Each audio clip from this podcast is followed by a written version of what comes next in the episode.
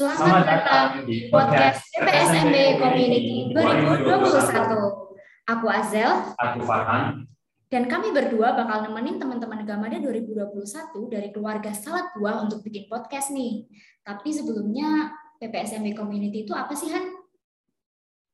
Jadi, PPSMB Community 2021 itu adalah pelatihan belajar sukses bagi mahasiswa baru milik Departemen Ilmu Komunikasi UGM di tahun 2021 yang memiliki tema Suar Pancarona yang disajikan dengan dunia 8 bit yang penuh petualangan seru.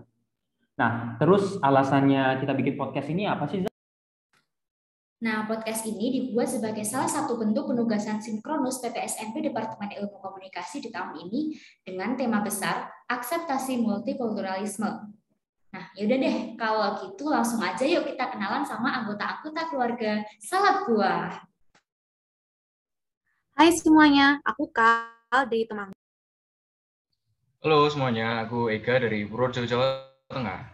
Aku Emma dari Tangerang. Aku Ray dari Bogor dari Surabaya. Aku Feiza dari Jakarta. Aku Pan dari Kamboja. Hai, aku Rafa dari Jakarta. Hai, aku Sena dari Timur Leste. Hai, aku Mita dari Yogyakarta. Aku Nada dari Pekanbaru. Oke, eh tapi Zal, kenapa nama keluarganya salah dua sih? Nah, mendingan dari Gamadanya sendiri nggak sih yang ngejelasin? Oke, terima kasih ya Azel. Jadi di sini saya akan menjelaskan uh, tentang filosofi salad buah. Jadi salad buah itu kan isinya macam-macam tuh. Nah, itu tuh kan bermacam-macam buahnya. Maaf ya, lama ya. kali kau jelasin filosofi itu. Loh, kenapa? Ini aku lagi jelasin. Enggak, kok lama kali gitu ya? Langsung ke poinnya aja nggak bisa dong. Ini aku udah mau ke poin ya. Maksudmu tuh gimana sih? Iya, kayak muter-muter gitu. Aku aja lah ya yang jelasin ya. Udah deh, coba aja kamu. Jadi, filosofi salad buah tuh, kan salad buah itu isinya macam-macam kan? Sama lah kayak kita yang asalnya dari daerah yang bermacam-macam nih.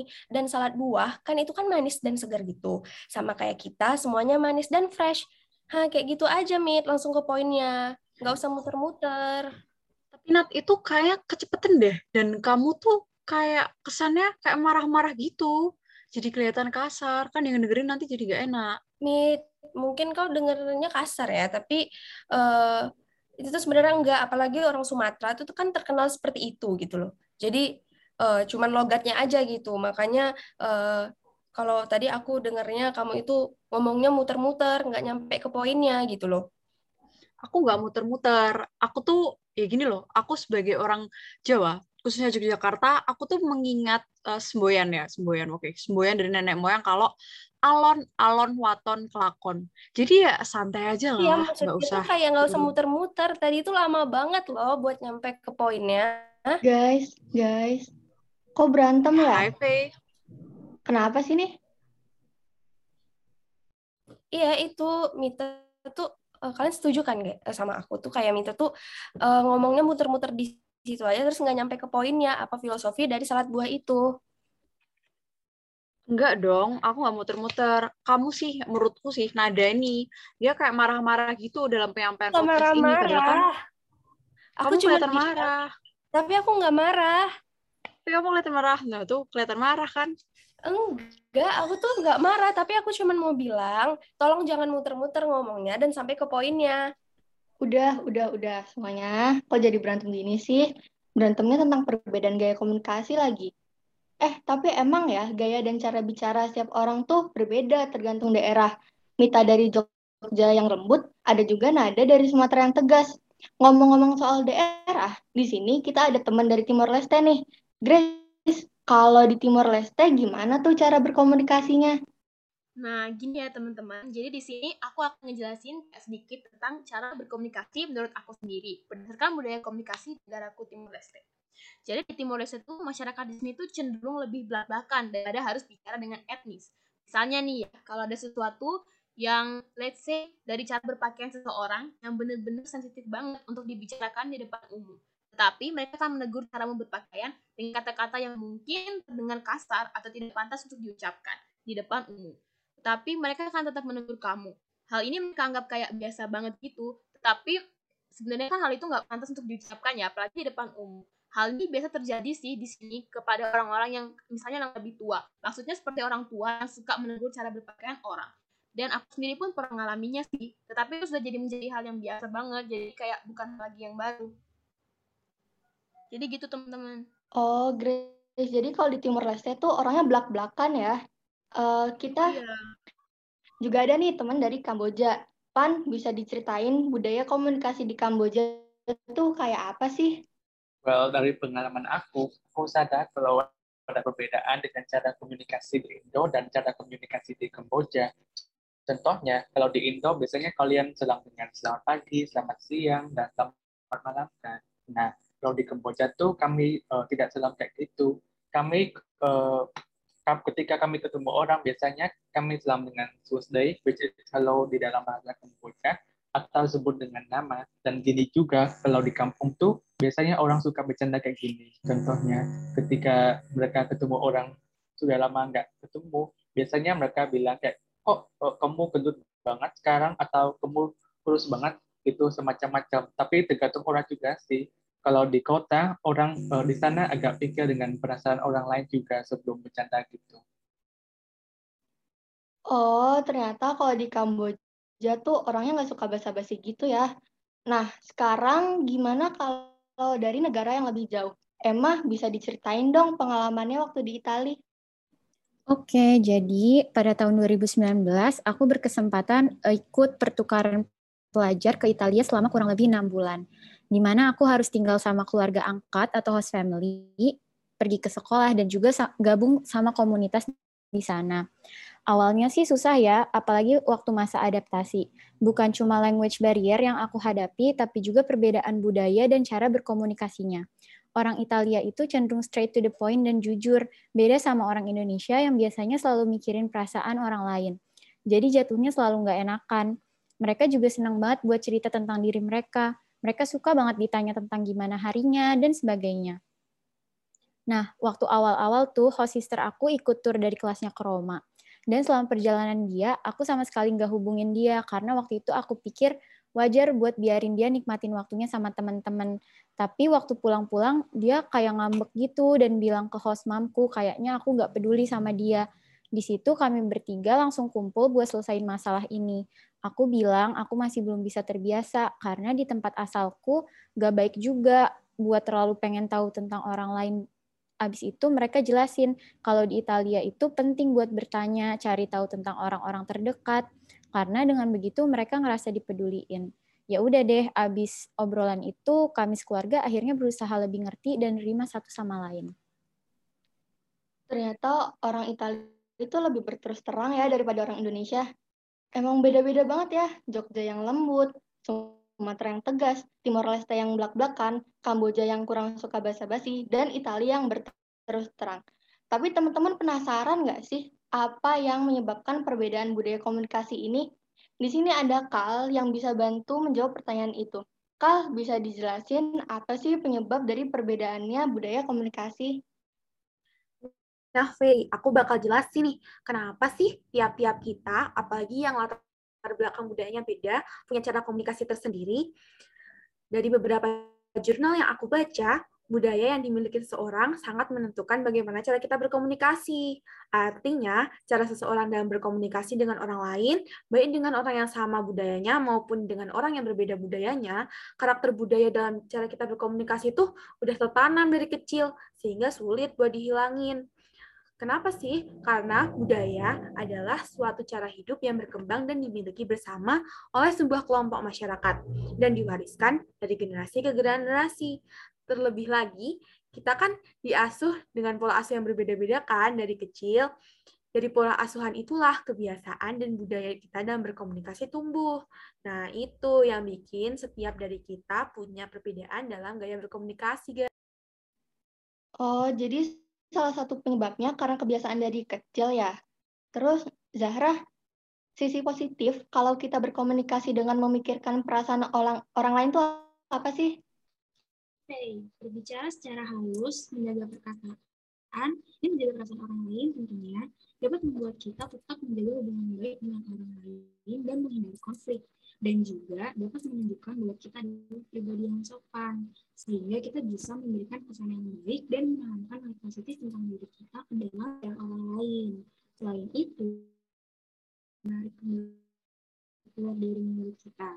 Nah, berbicara dengan menjaga perasaan orang lain, kita tidak seperti nah, kayaknya aku keterlaluan deh, kayaknya dia tersinggung deh, atau sakit hati nggak ya? Nah, dengan sikap saling menjaga perasaan itu dapat tercipta kerukunan, ketentraman, dan kedamaian yang benar-benar dirasakan oleh semuanya. Gitu, Faye. Oh, gitu ya, Zahra. Um, ternyata mem dengan memikirkan perasaan orang lain ada sisi positifnya juga ya. Nah, kalau misalnya berkomunikasi dengan terus terang, ada juga nggak ya dampak positifnya? Di sini kita punya Ega yang akan memberikan jawabannya. Halo Ega. Halo Faye. Ya, jadi kalau tadi Zahra udah menjelaskan sisi positifnya bicara dengan lebih halus, di sini saya ingin menjelaskan sisi positifnya bicara dengan secara terus terang atau untuk poin ya. Yang pertama, itu orang lain akan jadi lebih paham apa yang kita maksud. Dalam artian, dengan bicara terus terang, kita bisa menghindari ambiguitas yang dapat membuat orang lain tuh bakal paham gitu loh, Faye. Terus, yang kedua, kita jadi terbiasa dengan bersikap jujur. Dengan bicara terus terang, itu kita menjadi terbiasa jujur di dalam semua hal karena setiap hari kan kita berkomunikasi nih. Kalau misalnya setiap hari kita berkomunikasi dengan jujur, otomatis kita dilatih untuk jujur di setiap harian. Jadi itu udah jadi kebiasaannya kita gitu. Terus yang ketiga, hati kita tuh jadi lega gitu loh, Faye. Jadi nggak ada yang kita umpet-umpetin di belakang atau nggak ada yang mungkin, aduh aku nggak mau ngomong nih karena aku nggak enak atau uh, jangan sekarang deh besok aja. Ya itu kan jadi kita jadi kepikiran tuh setelah ngomong kenapa ya nggak tak omongin tadi Nah, tapi kalau kita ngomong dengan secara terus terang, kita jadi jadi lebih lega karena semua yang ada di pikiran kita udah tercurahkan atau tersampaikan. Terus nih, yang terakhir, itu kita jadi disegani orang karena bicara terus terang itu merupakan sebuah sifat yang kita miliki dan orang lain pasti lambat laun akan paham dengan sifat yang kita miliki. Jadi dengan pemahaman sifat itu dari orang lain, kita jadi lebih disegani dan orang lain tuh jadi lebih hati-hati kalau misal bersikap dengan kita. Jadi kalau orang lain udah hati-hati dengan sikap kita, berarti itu menunjukkan kalau orang lain tuh segan sama kita gitu, Faye. Oh, menarik banget nih Hega. Ternyata dengan berkomunikasi secara terus terang membuat kita jadi lebih lega. Teman-teman, tadi kita udah membahas tentang perbedaan budaya komunikasi di berbagai macam daerah, penyebab terjadinya perbedaan, dan sisi positifnya.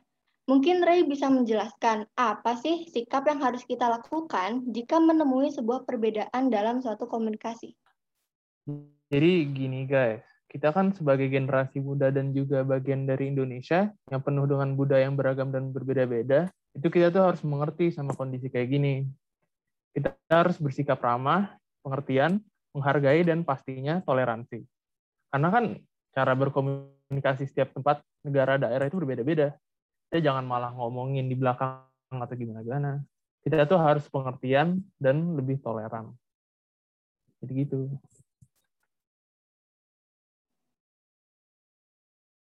Oke teman-teman, itu tadi jawaban dari Ray. Kalau dari Rafa sendiri gimana nih cara kita bersikap kalau kita menemui perbedaan budaya komunikasi? Halo Fiza, terima kasih. Jadi benar tuh yang tadi dibilang sama Ray, kalau misalnya kita tuh harus saling toleransi antara perbedaan yang ada terlebih dalam masalah berkomunikasi ya. Dan juga tuh kita harus tahu gimana nilai, attitude, kebiasaan yang orang dari budaya tersebut lakukan. Dan juga harus sadar kalau misalnya interpretasi orang tuh bisa beda-beda. Dan paling penting nih, kita harus tahu budaya yang kita hadapi itu apa. Misalnya kalau di US itu mereka lebih suka cenderung bersikap asertif atau yang tadi seperti diceritakan oleh Emma. Kalau di Italia lebih terbuka. Tapi kan belum tentu di tempat lain ini bisa diaplikasikan dan orang-orang terbiasa. Nah, kadang kita nggak tahu nih berhadapan dengan budaya apa dan apakah kita yakin nih, aduh komunikasinya benar nggak sih, sesuai nggak sih? Nah, intinya yang paling penting itu setidaknya kita harus sopan dalam berbicara dan juga berbicaranya secara terstruktur.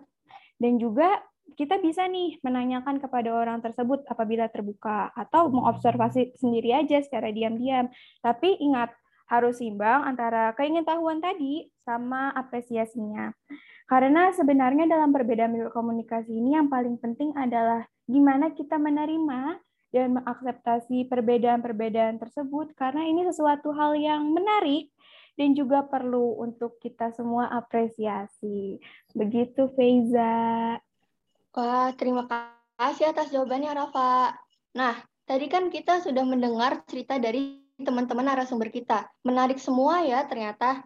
Cara orang berkomunikasi ternyata berbeda sesuai daerahnya. Jogja yang lembut beda dengan Sumatera yang tegas. Timor Leste yang belak-belakan juga pasti beda dengan Kamboja yang tidak suka basa-basi. Apalagi Italia yang berterus terang sampai membuat teman kita salah paham dengan kerabatnya. Maka dari itu, penting bagi kita untuk menerima perbedaan tersebut. Sesuai banget ya sama tema podcast kita, yaitu akseptasi multikulturalisme. Karena semua bentuk perbedaan itu pasti mempunyai penyebab dan banyak banget hal positifnya. Terima kasih teman-teman sudah mendengarkan podcast kami. Saya Fiza, perwakilan dari keluarga 9, keluarga Salat